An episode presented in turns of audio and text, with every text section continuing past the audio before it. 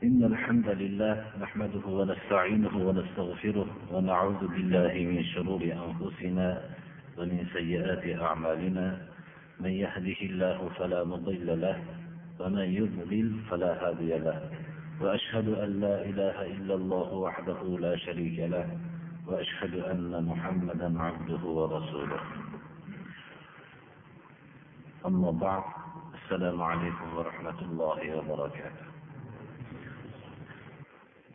Avvalgi darsimizda qur'oni karim darsi o'tgan edi. Va sunnatga ham ba'zi bir ishoralar qilib ketgan edik. Shu keyingi darsimizni ya'ni sunnat islom asoslarining birinchisi qur'oni karim bo'lsa ikkinchisi sunnat. Shu haqda darsimizni inshaalloh joriy yurgizamiz. Sunnat deganda nimani tushunmoqligimiz kerak? Sunnat rasululloh sollallohu alayhi vasallamning buyurgan so'zlari va hamda rasululloh sollallohu alayhi vasallamning qilgan amallari va hamda rasululloh sollallohu alayhi vasallamning huzurlarida qilingan amal payg'ambarimiz sollallohu alayhi vasallam modomiki shuni inkor qilmagan bo'lsalar shuni sunnat deymiz. Yer yuzida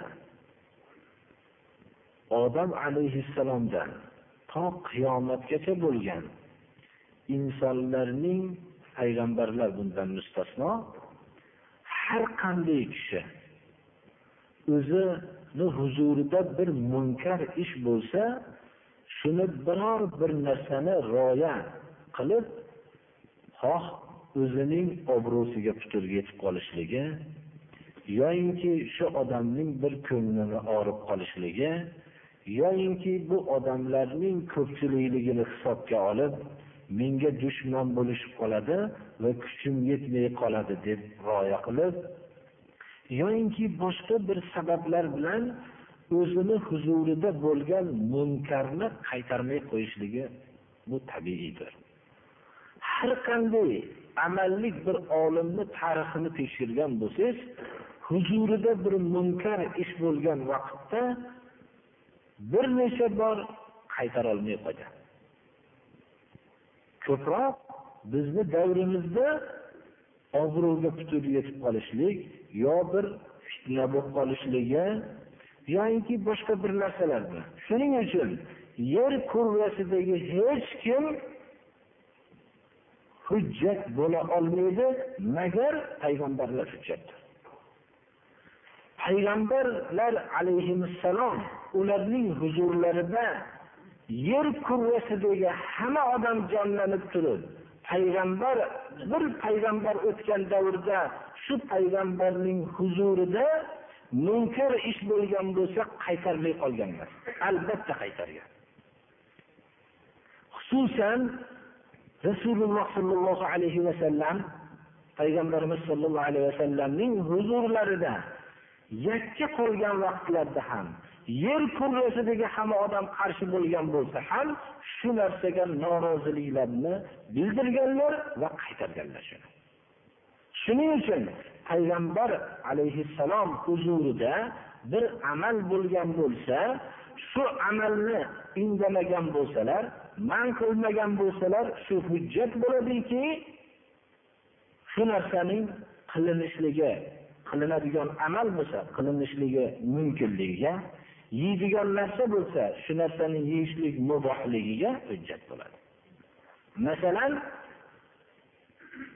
Xolid ibn Valid Rasululloh sollallohu alayhi vasallamning huzurlarida bob deb arab tilida bizni o'zbek tilida vallohu alam botmunchoq deydi.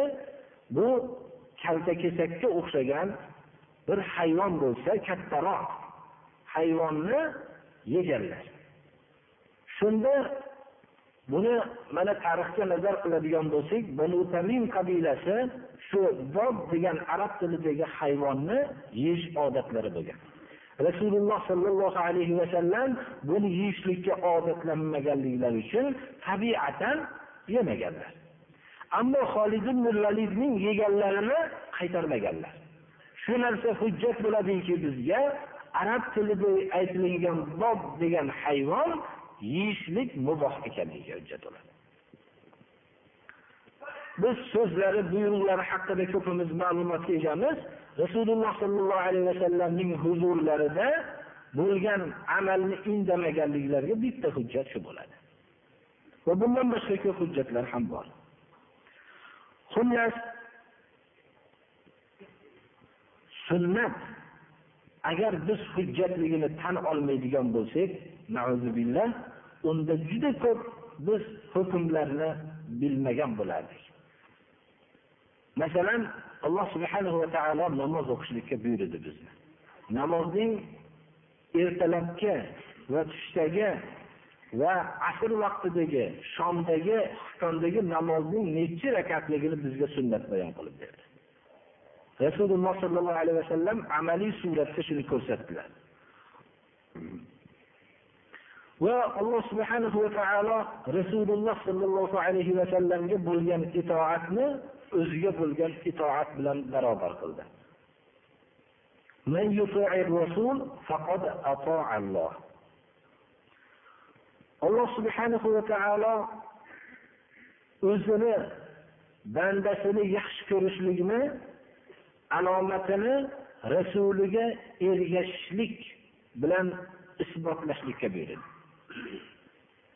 Estaizu billah, qul in kuntum tuhibbunalloha fattabi'uni yuhibbukumullohu va yaghfir lakum dhunubakum vallohu ghafurur rahim. Ayting, ey Muhammad alayhissalom dedi Alloh taolo, agar Allohni yaxshi ko'rsanglar, menga ergashinglar. Shunda Alloh sizlarni yaxshi ko'radi va gunohinglarni mag'firat qiladi. Alloh gunohlarni kechiruvchi va rahmdil zotdir. Demak, bir kishi Allohning muhabbatiga sazovor bo'lishlik uchun nima yo'l tutmoqligi kerak? Faqat u bitta yo'l bor. U yo'l Rasululloh sollallohu alayhi vasallamga ergashishlik. Payg'ambarimiz sollallohu alayhi vasallamning hayotlaridagi ergashishlik buyurgan buyruqlari bor. Ba'zi buyruqlar borki, bularni aytib buyurganlar. Ba'zilari borki, Rasululloh sollallohu alayhi vasallam buyurmasdan o'zlari qilganlar. Buni payg'ambarimiz sollallohu alayhi vasallamga bilamizki, shu amallarda ergashsak, albatta bizga katta ajr bor. Shuning uchun Alloh subhanahu va taoloning muhabbati faqat rasuliga ergashgan kishilargaginadir. Alloh va'da qilyapti, shart jazo bilan agar rasuliga ergashsanglar, Alloh sizlarni yaxshi ko'radi deyapti. Agar shu oyatni tushunganimizda biz har bir o'zimizning ahvolimizni Rasululloh sollallohu alayhi vasallamning yo'llariga muvofiq qilgan bo'lardik. Biz bu oyatni tushunmaymiz, birodar. Ming marta Allohni yaxshi ko'raman desak, Alloh bizni bir marta yaxshi ko'raman demasa, bu bekor birodarlar. Agar bir marta Allohni yaxshi ko'raman desak, Alloh bizni ham javobiga bir marta yaxshi ko'raman desa, mana bu narsani e'tibori bor. Mana buning yagona yo'li Rasululloh sollallohu alayhi vasallamga ergashishlikdir. Agar bundan boshqa yo'l bor deb allohni muhabbatiga sazovor bo'lishlik uchun bundan boshqa yo'l bor desa, bu kishi albatta xato qilgan kishi.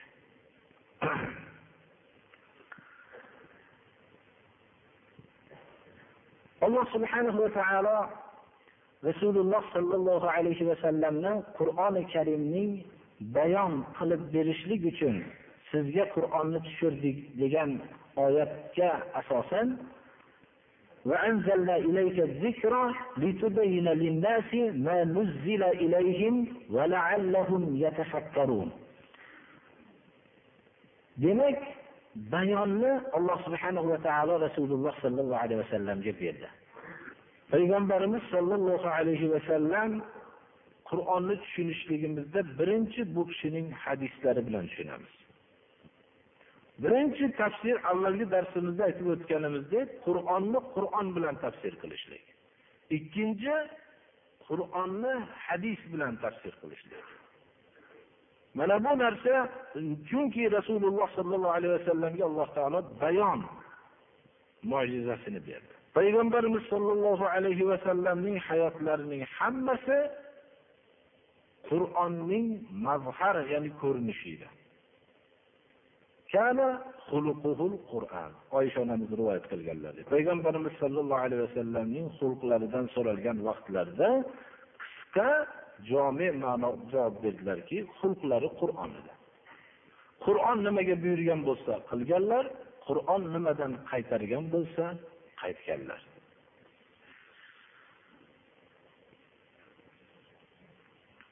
Undan tashqari alloh subhanahu va taolo payg'ambarimiz sollallohu alayhi vasallamning sifatlarida sizlarga qur'onni kitobni ta'lim beradigan va hikmatni ta'lim beradigan payg'ambarni jo'natdim deb minnat qildi. لقد من الله على المؤمنين إذ بعث فيهم رسولا من أنفسهم يتلو عليهم آياته ويزكيهم ويعلمهم الكتاب والحكمة وإن كانوا من قبل لفي ضلال مبين hikmatni kitobga atf qildi ya'ni sizlarga alloh subhanahu va taolo minnat qiladiki mo'minlarga ulardan o'zlarining jinslaridan elchi jo'natdi. Ularga ollohning oyatlarini tilovat qilib beradigan va ularning axloqlarini poklaydigan va ularga kitob ta'lim beradigan va hikmatni. Bu yerda biz bir necha nuqtani bilmoqligimiz kerak. Birinchi tilovat qilib beradigan. Tilovat rasululloh sollallohu alayhi vasallamdan bizlarga kelgan. Shu tilovat qiyomatgacha biz o'qiyotgan qur'oni karimdir. Yatlu alayhim ayatihi. Demak ollohning oyatlarini tilovat qilib beradi. Bu alohida bir ta'limdan boshqa narsa ekanligiga ishora bo'lyapti. Tilovat lah rasululloh sollallohu alayhi vasallamga olloh tarafidan nozil bo'ldi va shu oyatlarni payg'ambarimiz sollallohu alayhi vasallam tilovat qilib berdilar. Mana shu tilovat qilingan oyatlar qur'oni karim. Kitobni ta'lim beradigan. Demak qur'onning bizga o'rgatadigan. Va hikmatni ta'lim beradigan. Demak hikmat nima? Bu haqda boshqa oyatlar ham bor. Hikmatni ko'proq mufassir ulamolar rasululloh sollallohu alayhi vasallamning hadislariga tafsir qilganlar.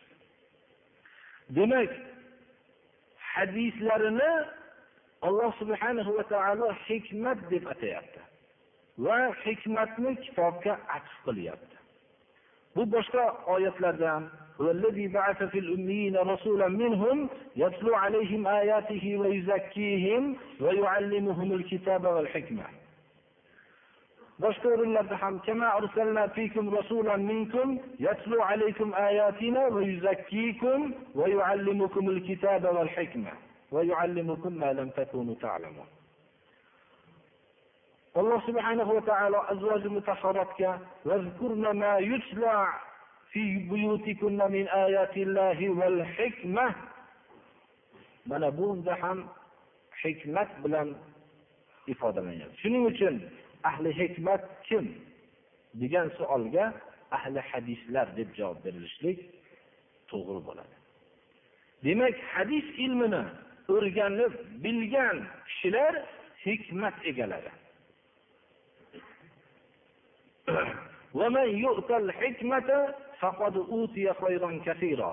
Kimga hikmat berilgan bo'lsa unga ko'p yaxshiliklar beriladi. Demak bir kishi hadis ilmini hadis ilmini o'qib shunga mohir bo'lgan bo'lsa unga ko'p yaxshiliklar beriladi.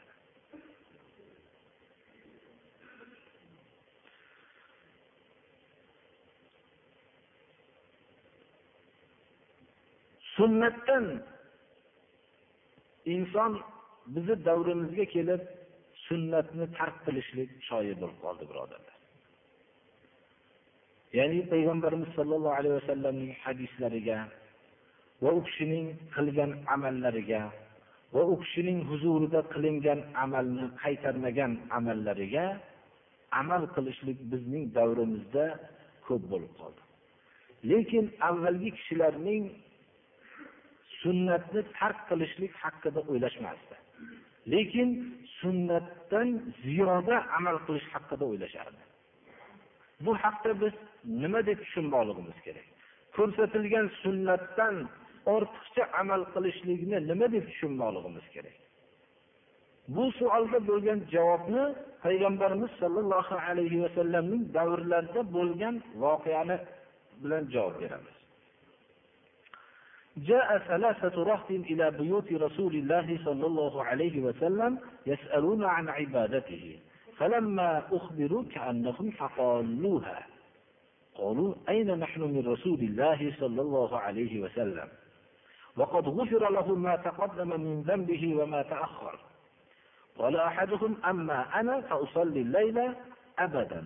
وقال الآخر وأنا أصوم الدهر ولا أفطر. وقال آخر وأنا أعتزل النساء ولا أتزوج أبدا. فجاء رسول الله صلى الله عليه وسلم فقال أنتم الذين قلتم كذا وكذا. أما والله إني أخشاكم لله وأتقاكم له ولكني أصوم وأفطر وأصلي وأرقد وأتزوج النساء فمن رغب عن سنتي فليس مني uch kishi rasululloh sollallohu alayhi vasallamning xonadonlariga kelishib payg'ambarimiz sollallohu alayhi vasallamning ibodatlaridan savol qilishdi ular xabardor qilinishdilarki ya'ni xabardor bo'lishgandan keyin oz sanashdi bu ozu deyishdi. Bu amallar bu ibodatlar ozu deyishdi. E deyishib bunga biz qayerdayu rasululloh sollallohu alayhi vasallam qayerda? U kishini gunohlari mag'firat qilingan. Shuning uchun shunchalik amal qilsalar bo'laveradida bizning gunohimiz ko'p biz ko'proq amal qilmoqligimiz kerak deyishdi. Birinchisi aytdiki men kechasi bilan namoz o'qib chiqaman umrim bo'yi. Ikkinchilari aytdiki men umrim bo'yi ro'za tutaman. Hech qachon ro'zam ochmayman dedi. Uchinchilari men ayollardan chetlanaman ya'ni turmush qilmayman dedi. Payg'ambarimiz sollallohu alayhi vasallam keldilarda bu so'zlardan xabardor bo'lganlaridan keyin aytdilarki shunday shunday degan sizmisizlar ammo men ollohga qasam ichib aytamanki ichinglarda ollohdan eng qo'rquvchilarman va eng taqvodoriylarman. Shunday bo'lib turib nafr ro'za ham tutaman va ba'zi kunlarda ro'za tutmayman. Va kechqurunda namoz ham o'qiyman va uxlayman ham dedilar. Va turmush qilaman dedilar. Bu meni yo'lim dedilar. Shu yo'limdan bosh tortayotgan odam mendan emas dedilar. Ya'ni davomiy ro'za tutgan odam davomiy kechqurunda bedor bo'lib namoz o'qib chiqqan kishi turmush qilmasdan o'zini hayotdan chetga olgan kishi mendan emas meni yo'lim emas bu dedilar. Demak ko'rsatilgan sunnatdan ortiqcha ko'proq amal qilaman degan maqsaddagi bo'lgan amal sunnatga xilofdir xuddi sunnatdan pastda amal qilib yurishlikdan farqi yo'qdir birodarlar chunki rasululloh sollallohu alayhi vasallamning olib kelgan yo'liga bir narsa qo'shishlik bilan olib tashlashlikni farqi yo'q. Qo'shgan odam bu nuqsonli bo'lib qolgan men qo'shay demaydi. Meni gunohim ko'p deb turib qo'shadi. bu ayni bir shaytonning insonni qalbiga kiradigan yo'lidir. Alloh subhanahu va taolo rasululloh sollallohu alayhi vasallamga buyurganda fastaqim kama umirta va man taba ma'aka va la tatghaw. Ya la taghlu fi dinikum. Ahli kitoblarga xitob qildiki alloh taolo. Ey ahli kitob dininglarni haddinglardan oshmanglar. Ya'ni ko'rsatilgan buyruqdan ko'p amal qilaman deb o'ylamanglar. Payg'ambarimiz sollallohu alayhi vasallamga buyurilgandek istiqomatda turing. Inson agar bir yo'lda ketishlikka buyurilgan bo'lsa shu yo'ldan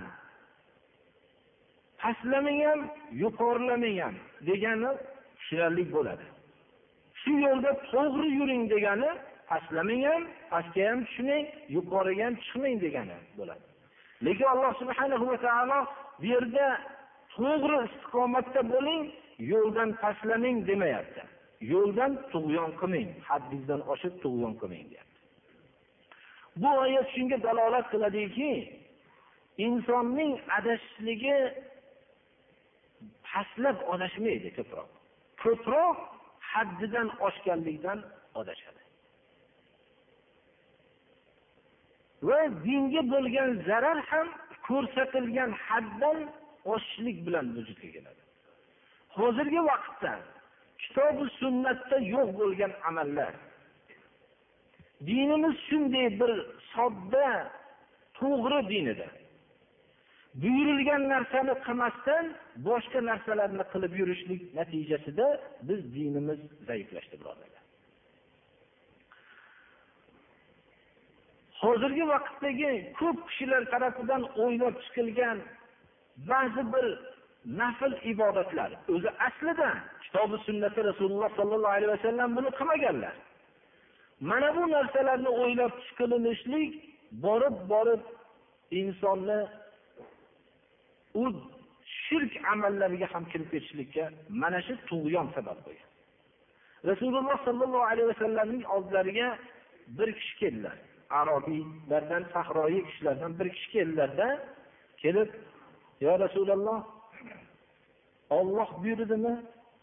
O'zini yakkaligini tasdiq qilib va sizni olloh tarafidan haqiqiy elchi ekanligingizni tan olishligimizga ha dedilar. Olloh buyurdimi? Bir kecha va kunduzda besh vaqt namoz o'qishlikka? Ha dedilar. Olloh buyurdimi? Bir yilda bir oy ro'za tutishlikka. Va olloh buyurdimi? Molimiz nisobga yetsa zakot berishlikka va haj qilishlikka deb birma bir so'radilar. Har biriga rasululloh sollallohu alayhi vasallam ha deb ta'kidlab javob berdilar. Aytdilarki sizni jo'natgan zotga qasam ichib aytamanki shundan ko'paytirmayman ham kamaytirmayman ham dedilar. Va chiqib ketdilar. Aytdilarki payg'ambarimiz sollallohu alayhi vasallam kim ahli jannatni ko'raman desalar shuni ko'rib qo'ysin dedilar. Bu degan so'z birodarlar agar shuni biz qilsak shirkdan salomat bo'lamiz va ollohni buyrug'ini o'zini qilsak biz shirkdan salomat bo'lib ollohni buyrug'ini qilishlik bilan jannatga dohil bo'lamiz. Lekin juda ko'p kishilar o'zini qiynab juda ko'p amallarni qilmoqchi bo'ladi. Tekshirib qarasangiz aksari shirk birodarlar. Olloh buyurmagan rasuli qilmagan bu ishlarni qiynalib o'zi qiladida borib tekshirib qarasangiz shirk bo'ladi. Undan tashqari tamomiy odamlarning dindan voz kechib ketib qolishliklariga mana shu odamlar sabab bo'ladi. Dinni og'ir qilib bir ko'rsatiladi.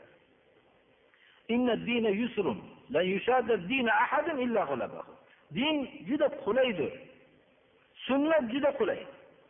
Lekin inson shu narsalarni sunnatlarni tark qilishlikka kuch sarf qiladi pul sarf qiladi. O'zini boshqalarga qalbida o'zini boshqalarni yo'lini qilayotganligini o'zi bilan ollohni o'rtasida sir birodarlar haqiqatda o'zidan savol qilsin. Nima uchun sunnatlarni tark qilib yuribdi? Buni tark qilishlik buni qilishlikka insondan mol talab qilmaydi ba'zi sunnatlarni qilishlikka. Yo undan masalan biror bir kuch talab qilmaydi lekin uni tark qilishlik molga ham muhtoj va u kuchga ham muhtoj bo'ladi. Shuning uchun alloh subhana va taoloning azobi qattiqdir. Gunohga qilgan kishiga nima uchun azob qattiq? Chunki gunohni qilgan kishi kuch sarf qilib mol sarf qilib turib qiladi gunohni. Agar gunohni qilmaslikka tek turib olsangiz gunoh qilinmay qolaveradi. Bunga kuch gunohni tark qilgani kuch sarf bo'lmaydi odamda. Ammo gunohni qilishlikka ham mol ham kuch sarf bo'ladi. Shunga o'xshagan sunnatlarni tark qilishlikka mol sarf bo'ladi kuch sarf bo'ladi va unga vaqt sarf bo'ladi. Mana bu bilan azob qattiq bo'ladi. Hozir mavzudan tashqariga chiqishlik bo'lsa ham aytaylik mast qiluvchi ichimlikni ichgani shariatga xilof bo'lgan katta otarchilarni olib kelib to'y qilgani bu gunoh bo'ladi. Bu gunohga pul sarf bo'ladi vaqt sarf bo'ladi bunga juda ko'p narsalar sarf bo'ladi. Ana shuning uchun ollohni azobi qattiq agar shu narsaga molingizni sarf qilmasangiz o'zingizni shu narsada kuchingizni sarf qilmasangiz hech qanday narsa bo'lmaydi. Nimaga qiyin deydi odamlar? Nima uchun bu narsalarni qiyin deydi? Qiyin emas. U qalbdagi havo nafs shayton mana bu narsaning gapiga kirib qolganligidan undan ajralishlik qiyin bo'ladi. Olloh rasuliga ergashing agar ollohni yaxshi ko'rsanglar rasuliga ergashing deng. Menga ergashinglar deng deyapti alloh taolo. Rasuliga ergashing pulingiz yoningizga qoladi. Kuchingiz behuda ketmaydi. Mana shu narsalarni qaysi narsa hayotingizda xilof sunnat bo'ladigan bo'lsa tekshirib ko'ring shunga molingiz sarf bo'lgan va kuchingiz sarf bo'lgan. Shuning uchun alloh subhanahu va taoloning azobi qattiqligini siri shu u biz o'ylaymizki rasululloh sollallohu alayhi vasallam bir arobiy sahrodan kelgan kishiga bir daqiqada dinni o'rgatib qo'ydilar shu bilan ahli jannat bo'lib chiqib ketdi deymiz. Demak din nihoyatda oson haqiqatda. Lekin biz uchun nima uchun qiyin? Biz islom ruhi bilan sug'orilingan dunyoqarash bilan o'smaganmiz. Shuning uchun bizga qiyin va yana biz yashayotgan johiliyat islomni masxara qilgan nizomda yashayapmiz. Ana shuning uchun bizga qiyin bo'ladi. Undan tashqari payg'ambarimiz sollallohu alayhi vasallam qilgan narsadan ko'proq narsani qilishlik kelajakda men bundan o'zimni bu ishdan pokroq saqlay degan tasavvurga olib borib qo'yadi. Demak rasululloh sollallohu alayhi vasallamning qilgan amallari yaxshi emas ekanu undan siz pokizaroq amal qilmoqchi bo'lib davoga olib borib qo'yadi. Shuning uchun sunnatdan ortiqcha ish qilishlik bu mutlaqo sunnatga ziddir mana boshqa shu hadisni boshqa rivoyatlarida payg'ambarimiz sollallohu alayhi vasallam xutbalarda aytganlarki hamdu sano aytganlaridan keyin فوالله إني لأعلمهم بالله وأشدهم له خشية odamlarga nima oldiki men qilgan ishdan o'zlarini chetga olishib bundan biz pokroq bo'laylik deyishyapti qasam ollohgaki men ollohni ularni ichida eng tanuvchirog'iman va ollohdan eng qo'rquvchirog'iman dedilar. Demak payg'ambarimiz sollallohu alayhi vasallamning amallari ollohdan eng qo'rquvchi kishi bo'lishlikka olib boradi. Ashoblar hammalari sunnatga qattiq amal qilishgan ekanlar. Chunki qur'oni karimdan keyingi eng murojaat qiladigan asosimiz sunnatdir. Payg'ambarimiz sollallohu alayhi vasallamning vasiyatlari ham shu bo'ldi. Mana hajjatul vadoda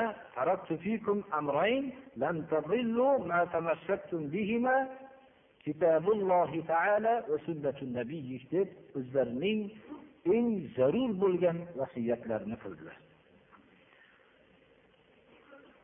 Alloh subhanahu va taolo rasuliga ergashishlikka o'zining azaliy kitobida ko'p joyda buyurdi.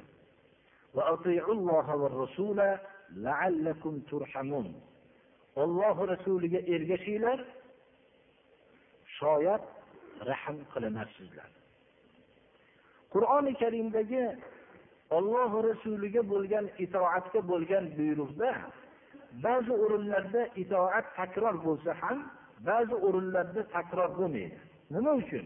Rasuliga bo'lgan itoat allohga bo'lgan itoatning ayni o'zidir.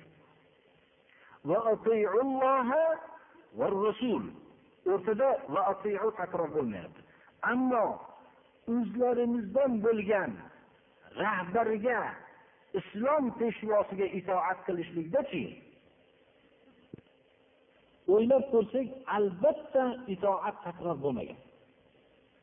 Masalan يا أيها الذين آمنوا أطيعوا الله وأطيعوا الرسول وأولي الأمر منكم الله itoat qilinglar va rasuliga itoat qilinglar itoat takror bo'ladi chunki itoat bu tomonini olsak bu oyatdan rasuliga bo'lgan itoat ayni alloh subhanahu va taologa bo'lgan itoatdir chunki u kishi havodan gapirmaydilar o'zinglardan bo'lgan. Rahbariylarga ya'ni islom peshvosiga itoat qilinglar degan o'rinda atiu kalimasi takror kelmaydi. Nima uchun? Bu narsadan biz bilamizki o'zimizdan bo'lgan islom peshvosiga bo'lgan itoat asli emas. Agar bu itoat shunga bog'langanki olloh rasulini so'ziga muvofiq buyruqni qarangki o'zimizdan bo'lgan musulmon peshvoni buyrug'iga itoat qilishlik ham qaraymiz. Olloh rasulini buyrug'iga muvofiqmi yo'qmi? Muvofiq bo'lsa itoat qilamiz. Shuning uchun bu yerda itoat kalimasi zikr qilinmayapti. Yana inson ulil amr o'zidan bo'lgan peshvoga bo'lgan itoatni asosiy narsa deb tushunib qolmasligi uchun shu oyatdan keyin keyin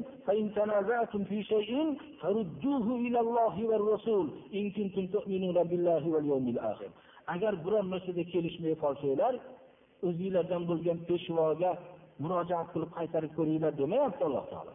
Olloh va rasuliga qaytaringlar. Olloh va rasuliga qaytarsanglar shunda haqiqatni topib olasizlar. Bu agar allohga qiyomat kuniga iymon keltirsanglar. Bu sizlarga yaxshi hozirda ham va kelajakda ham bu go'zalroqdir.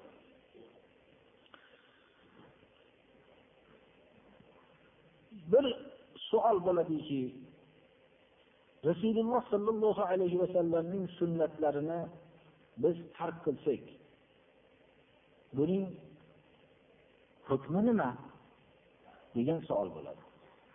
Buyurgan sunnatlarini tark qilsak gunohkor bo'lamiz.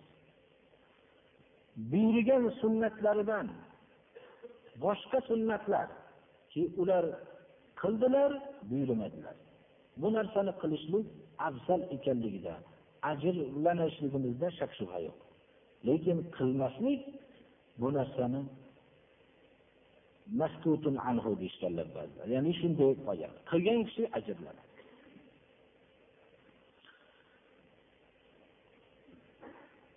استعيذ بالله فليحذر الذين يخالفون عن امره ان تصيبهم فتنه او يصيبهم عذاب اليم buyurgan sunnatlarni tark qilishlik oxiratdagina jazo bo'lib qolmasdan dunyoda ham jazolanishlikdan xoli qolmaslikni alloh taolo ogohlantiryapti mana bu oyatda. Ya'ni shu oyatni tafsirida rasulini buyrug'iga qarama qarshi bo'lgan kishilar hushyor bo'lsinlarki ularga fitna yetib qoladi. Yo alamlantiruvchi azob yetib qolishligi mumkin. Shu oyatni tafsirida ba'zi kishilar aytishgan ekanlarki fitna nima? Ya'ni bu yerda demak azabun alim bu oxiratdagi azob. Fitna nima? Fitna ba'zilar aytgan ekanki qalbida bir zayq noto'g'ri narsaga moyillik paydo bo'lib qoladi. Rasulini buyrug'ini qilmagan kishining qalbida noto'g'ri yo'lga bo'lgan moyillik paydo bo'ladida shu bilan halok bo'ladi. Ba'zi kishilar aytgan ekanlarki kufr fitnasi nifoq fitnasi bid'at fitnasi mana bu fitnalar deyiladi. Shuning uchun rasululloh sollallohu alayhi vasallam buyurgan sunnatlarni qilishlikka harakat qilmoqligimiz kerak birodarlar. Chunki takror aytamiz sunnat biz qanday bildik? Kechki namoz ertagi ertamangi namozlarning necha rakatligini zakotning nisobini qanday bildik? Rasululloh sollallohu alayhi vasallamning buyruqlari bilan bildik. Shu kishiga itoat qilib biz shu suratda namoz o'qiymiz. ulamolarning aksarlari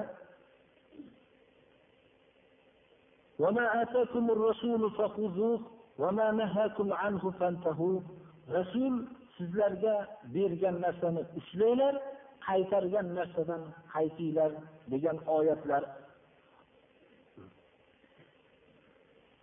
فآمنوا بالله ورسوله النبي الأمي الذي يؤمن billahi va kalimatihi vattabi'uhu la'allakum tahtadun. Ergashinglar iymon Allohga iymon keltirgan bu nabiyul ummiyga iymon keltiringlar. Ollohga iymondan keyin shunga rasuliga iymon keltirishlikka buyuryapti va ergashinglar shunda hidoyat topasizlar deb hidoyatni ergashishlikka qayd qilgan oyatlardan shundan xulosa chiqarishib aytgan ekanlarki agar rasululloh sollallohu alayhi vasallamning sunnatlarini buyurgan sunnatlarini inkor qilsa kufr degan ekanlar. Shuning uchun biz nihoyatda ehtiyot bo'lmoqligimiz kerak. Payg'ambarimiz sollallohu alayhi vasallam ala inni utitul kitaba va mislahu ma'ahu ألا يوشك رجل شبعان على عريشته يقول عليكم بهذا القرآن فما وجدتم فيه من خلال من حلال فأحلوه وما وجدتم فيه من حرام فحرموه ogoh bo'linglarki menga qur'oni karim berildi va qur'oni karim bilan birga shunchalik ilm berildi degan ekanlar o'zini suyanchig'iga o'zini to'q tutib shunday kishilar bo'lib qolishligi mumkinki sizlarga aytadigan qur'on sizlar bo'ladi sizlarga. Qur'onda topgan halolni halol deyglar qur'onda topgan haromni harom deyglar deydigan kishilar chiqib qolishligi mumkin. Shundan ogohlantirdilar. Bizni diyorlarimizda ham shunday kishilar paydo bo'lib qolgan birodarlar. Faqat qur'on bizga yetadi. Hadislarni bizga bunda ko'p har xil gaplar qo'shilib ketib qolgan degan toifalar bor birodarlar. Agar rasululloh sollallohu alayhi vasallamning sunnatiga ergashishlik lozim bo'lmaganda alloh taolo bizni deb buyurmagan bo'lardi. Rasuliga ergashinglar deb buyurmagan bo'lardi.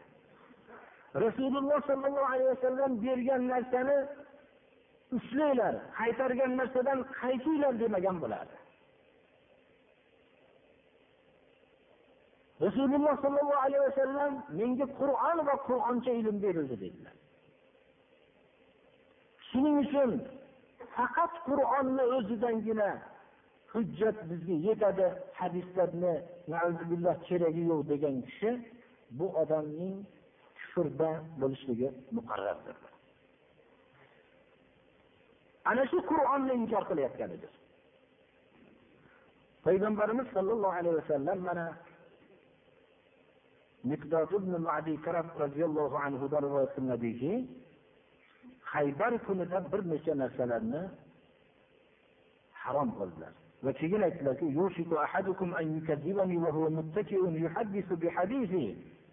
يحدث بحديث فيقول بيننا وبينكم كتاب الله فما وجدنا فيه من حلال استحللناه وما وجدنا فيه من حرام حرمناه ألا إنما حرم رسول الله مثل ما حرم الله haybar kunida bir necha narsalarni harom qildilar keyin aytdilarki sizlarni bittalaringlar meni yolg'onchi qilib qolishligi mumkin dedilar kerilib dedilar yolg'onchi e, qilishligini ma'nosi nima? Uni bayon qildilarki meni hadisim unga aytilsa biz bilan sizlarni o'rtanglarda ollohni kitobi bor. Shunda topgan halolni halol deymiz topgan harom narsalarni harom deymiz deydigan odamlar meni yolg'onchi degani dedilar. Meni sunnatim meni buyrug'im bilan harom bo'lgan narsalarni qabul qilmasa qur'onni o'ziga kifoyalansa meni yolg'onchi degani dedilar. Va ogohlantirdilarki ala ogoh bo'linglarki rasululloh harom qilgan narsa olloh harom qilgan narsaga o'xshaydi dedilar. Xuddi o'zi dedilar. Payg'ambarimiz sollallohu alayhi vasallamning sunnatlarini nihoyat darajada mahkam ushlashdilar. Bu kishining sunnatlariga xilof. Ishni qilgan odamlarni tobiinlar ashoblar tobiinlar nihoyatda ularga nafrat bilan turishdilar abdulloh ibn abbos roziyallohu anhuga ba'zi odamlar kelishib rasululloh sollallohu alayhi vasallam shunday deganlar deb abdulloh ibn abbos aytganlarida abu bakr umar roziyallohu anhularni so'zlarini hujjat qilishgan ekanlar shunda aytgan ekanlarki yaqin kunda sizlarni boshinglarga tosh yog'adi dedilar tosh balosi tushadi أقول قال رسول الله صلى الله عليه aytdilarki حدثنا عن كتاب الله وهو يحدثهم عن السنة hadis o'qib bergan vaqtlarda Allohning kitobidan ham bir o'qib bering Allohning kitobidan ham tafsir qilib bering hadislarni o'qib berayotgan vaqtlarda shunda g'azablari keldilarda وقال إن السنة هي تفسير كتاب الله ولولا السنة لم نعرف أن الظهر أربع والمغرب ثلاث والفجر ركعتان ولم نعرف تفصيل أحكام الزكاة إلى غير ذلك مما جاءت به السنة من تفاصيل الأحكام من hadis o'qib berayotgan vaqtlarida ollohni kitobidan ham tafsir qilib bering deganlarda g'azablari kelayotgan ekanlarki sunnat ollohni kitobini tafsirida degan ekanlar sunnat bo'lmaganda peshinni to'rt rakat ekanligini bilmasdik shomni uch rakat ekanligini bilmasdik. Ertalabki namozni ikki rakat ekanligini bilmasdik va zakotning hukmlarini bilmasdik va hokazo sunnatda bayon qilingan narsalarni bilmasdik dedilar. Birodarlar bizni bir hozirgi hayotimizda men mavzudan chiqishlik uchun bir narsani aytib qo'ymoqchiman. Ollohni kitobidan tafsir qilib bersangiz payg'ambarimiz sollallohu alayhi vasallamning sunnatlaridan bayon qilib bersangiz u bir bitta mavlud o'qib bering deydi. Bu birodarlar qalbimizni hozir qorayib qolganligi bu kuladigan ish emas birodarlar. Ollohni kitobidan rasulimiz sunnatidan o'qib bersak to'xtating buni mavlud o'qib bering demaydiyu lekin amalda shunday bo'ladi. Qoniqmaydi. Imomi barzanjiy rasululloh sollallohu alayhi vasallamning tarixlarini yozgan. U kishining ahvollarini holatlarini yozgan. Biz bu narsani o'rganishimiz kerak u kishini tarixlarini hayotimizga tadbiq qilishimiz kerak. Hadis o'qib berayotganlarida bu kishi ollohni kitobidan tafsir qilib bering deganlarda g'azablanib kelgan ekan. Har bir gapirayotgan so'zimizni bir hisobini bilib qo'ymoqligimiz kerak birodarlar abdulloh ibn umar roziyallohu anhu payg'ambarimiz sollallohu alayhi vasallamning la tamma'u ima allohi masajidalloh ollohning masjidlaridan ollohning ayol bandalarini man qilmanglar deb ya'ni er kishilarga xitob qildilarki ayollar masjidga borib ibodat qilaman desa man qilmanglar. Degan hadis shariflarni abdulloh ibn umar roziyallohu anhu rivoyat qilib aytayotganlarida farzandlarning bittalari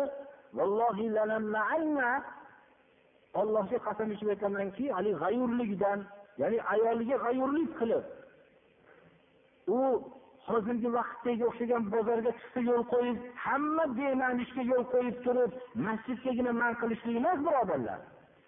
ayoliga g'ayurligidan ayolim hech kimga ko'rinmasin degan haligi erlik g'ayurligi kelib qasam ollohgaki man qilaman ayollarni man qilaman deganlarda abdulloh ibn umar g'azablari kelib juda qattiq suratda ya'ni hayodan tashqari bo'lgan so'z bilan so'kkan ekanlar o'g'illari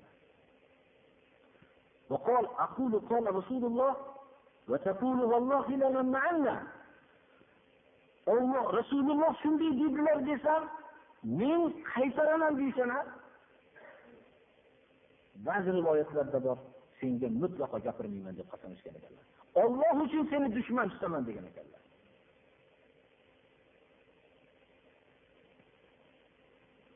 abdulloh ibn mug'affal muzlamiy roziyallohu anhu bu kishi ashobi rasululloh sollallohu alayhi vasallamdan ba'zi bir yaqinlari u begona odam emas birodarlar. Ya'ni o'zini qadrdon birodari toshni shunday chertib birovga ishora qilish qoidasi bor. Masalan bir kishi bir tosh tursa shunday ishora qilib birovga buyoqqa qara demoqchi bo'lsa gapirmasdan shuni burmoqchi bo'lsa. Shunda payg'ambarimiz sollallohu alayhi vasallam shu tosh otayotganligini ko'rib qaytarganlar. Va aytganlarki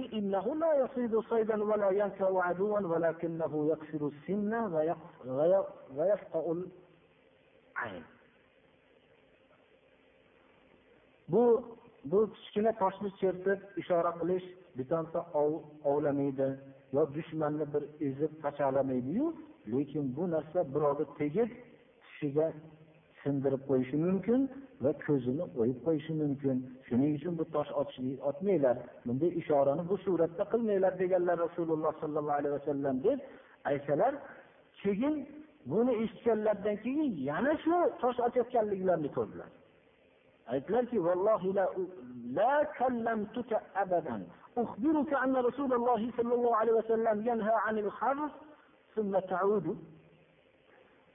shu to'satayotganliklarini ko'rib ollohga qasam ichib aytamanki senga abadiy gapirmaganim bo'lsin. Men senga rasululloh sollallohu alayhi vasallam bu toshni otib ishora qilishlikdan qaytarganlar desam sen yana qaytib qilyapsan degan ekanlar. Shu vaqtda emas boshqa vaqtda.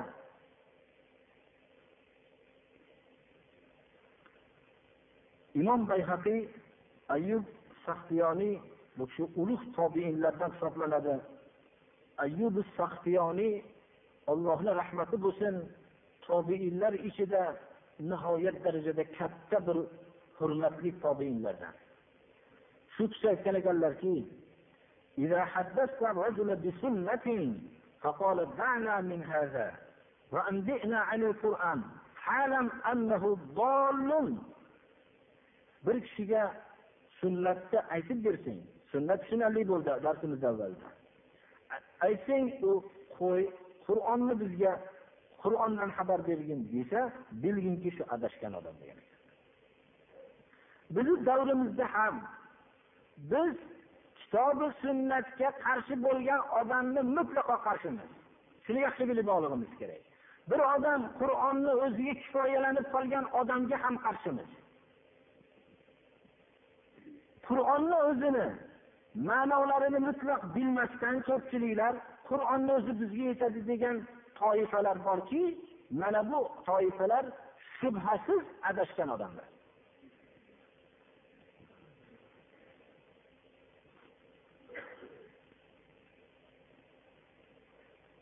Shu qur'on bizga bo'ladi degan gapida kazzob bo'lgan odamlar. Chunki qur'oni karim ularga aytyaptiki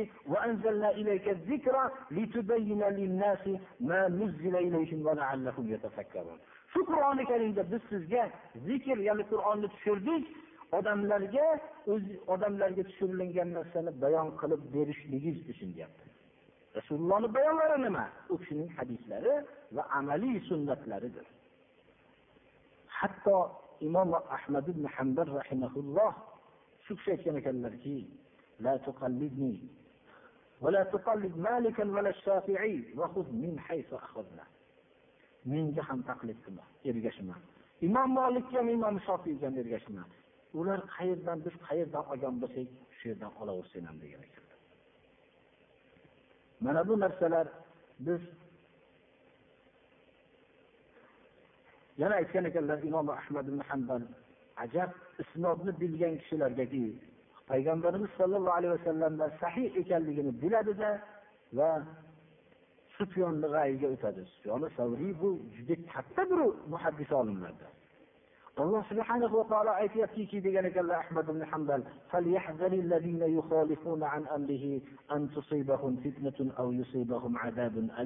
shu oyatni o'qib hali o'qigan oyatimizni fitna nima bilasanmi dedilar? Al fitnatu ashirk fitna shirk degan ekanlar. Kim rasululloh sollallohu alayhi vasallamning buyruqlari bilan bo'lgan sunnatniga qarama qarshi ish qilsa unga shirk fitnasi yetib qolishligidan qo'rqsin degan ekanlar.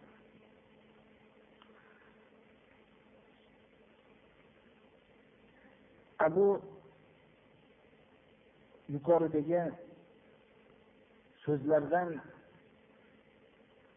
shuni bilaylikki imom suyutiy rahimaulloh o'zlarining miftahul jannah fil ihtijaj bis sunnah sunnat bilan hujjat ushlashlikdagi jannatning kalidi deb nomlangan kitoblarda iborasi quyidagi bo'lgan so'zni aytgan ekanlar اعلموا رحمكم الله أن من أنكر أن كون حديث النبي صلى الله عليه وسلم قولا كان أو فعلا بشرطه المعروف في الأصول حجة كفر وخرج عن دائرة الإسلام وحشر مع اليهود والنصارى أو مع من شاء الله من خرق الكفرة.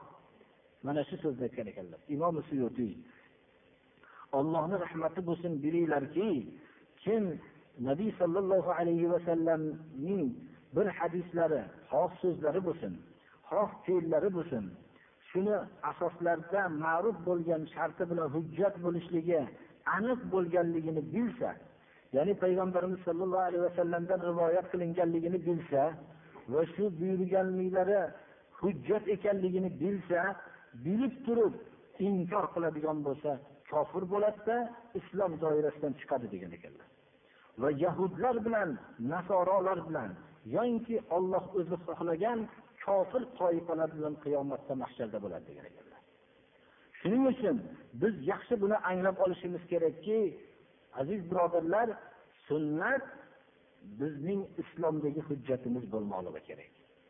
Qur'oni karimdan keyingi hujjatimiz sunnatdir agar bu sunnatning rivoyati sahih bo'lganligini bilib agar bu narsani aniq shartlarini bilgandan keyin hujjat ekanligini payg'ambarimiz sollallohu alayhi vasallamdan rivoyat qilinganligini bilsa bilib turib inkor qiladigan bo'lsa kofir bo'lishligida shak shubha yo'q degan ekanlar. Imom suyutiy o'zlarining miftahul janna fil ihtijoji bis sunnah kitoblarida shunday degan ekanlar.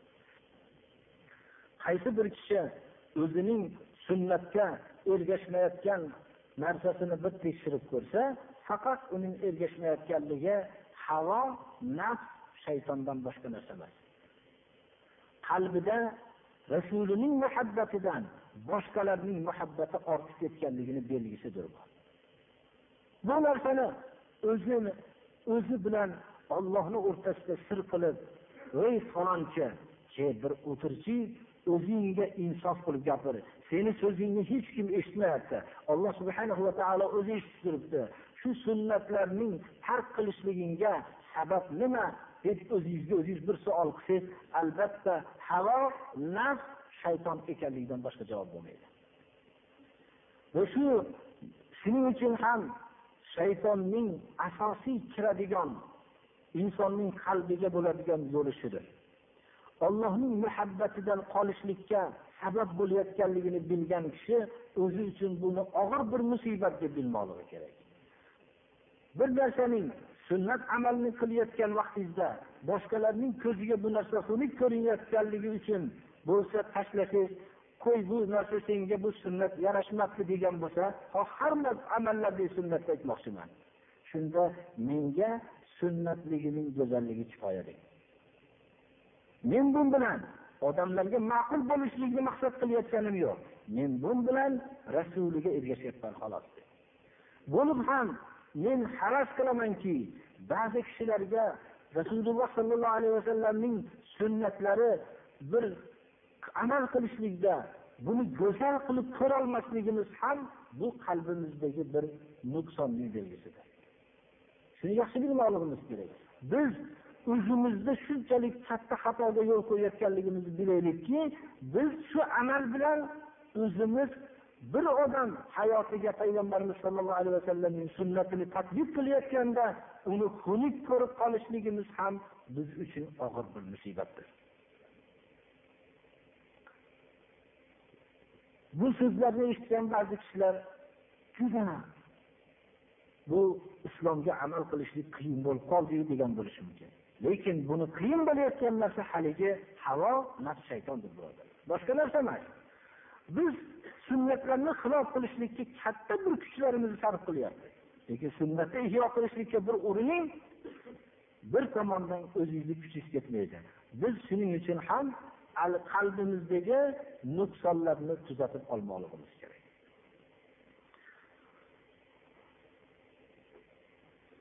Alloh subhanahu va taoloning rahmati salovatlari payg'ambarimiz sollallohu alayhi vasallamga bo'lsin.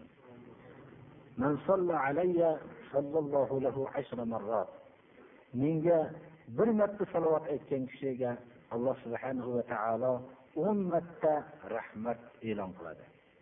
Allohning rahmati va salovatlari bo'lsin u zotgaki qiyomatgacha bo'lgan bashariyatga u kishi ollohning muhabbatiga sazovor bo'laman degan kishilarga namuna bo'lib qolganlar. Rasululloh sollallohu alayhi vasallamning mana u kishining muhabbatiga shunchalik sahobalar shunchalik yaxshi ko'rishganlarki u kishilar jannatda payg'ambarimiz sollallohu alayhi vasallamning jannatdagi bo'lishlarini va o'zlarining ham jannatda bo'lishlarini o'ylaganlarida u kishining martabalarini balandligini o'ylab ranglari o'zgarib ketar ekan. U kishi bilan birga bo'lmasligini o'ylab. Ashoblarning bittalari ranglari o'zgarib ketganlarida savol qo'yganlarda shuni aytdilar.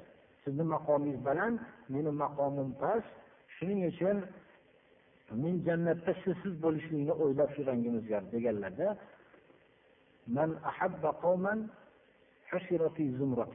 bir toifani yaxshi ko'rgan kishi ularning jamoasida mahsharda birga bo'ladi dedilar. Shundan keyin xursand bo'lishgan ekanlar. Payg'ambarimiz sollallohu alayhi vasallamni otalaridan farzandlaridan va o'zlarining jonlaridan ham yaxshi ko'rishardi. Hubayb roziyallohu anhuda baylashib o'ldirishlik uchun kamonlar otib o'ynab masxara qilib o'ldirayotganlarida shunchalik nayzalarning badallariga sanchilayotganlarida biror tovush qilmagan kishi shunda ana muhammadga ergashishligini oqibatini ko'rdingmi? Endi seni yoningda muhammad bo'lishligini xohlayapsanmi deganlarda shunda dod yuborgan ekanlar. Muhammad alayhissalomning oyoqlariga tikan kirgandan meni jon taslim qilganligim afzal degan ekanlar.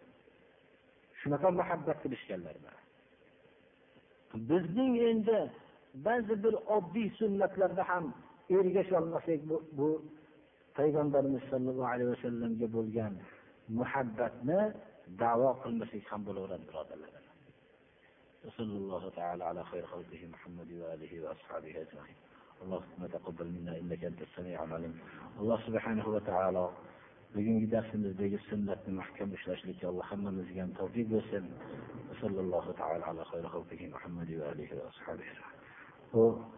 وزن أيت لشلينا خطان نمازي غازن أيت بكينا في شوش المسيلة بلغ لنا asli bu o'zi biz shu xufton namozini avvalgi vaqtida ozon aytishligimiz sababi bu odamlarning zaiflarini hisobiga olib turib payg'ambarimiz sallallohu alayhi vasallam qilganlar. Agar aytganlarki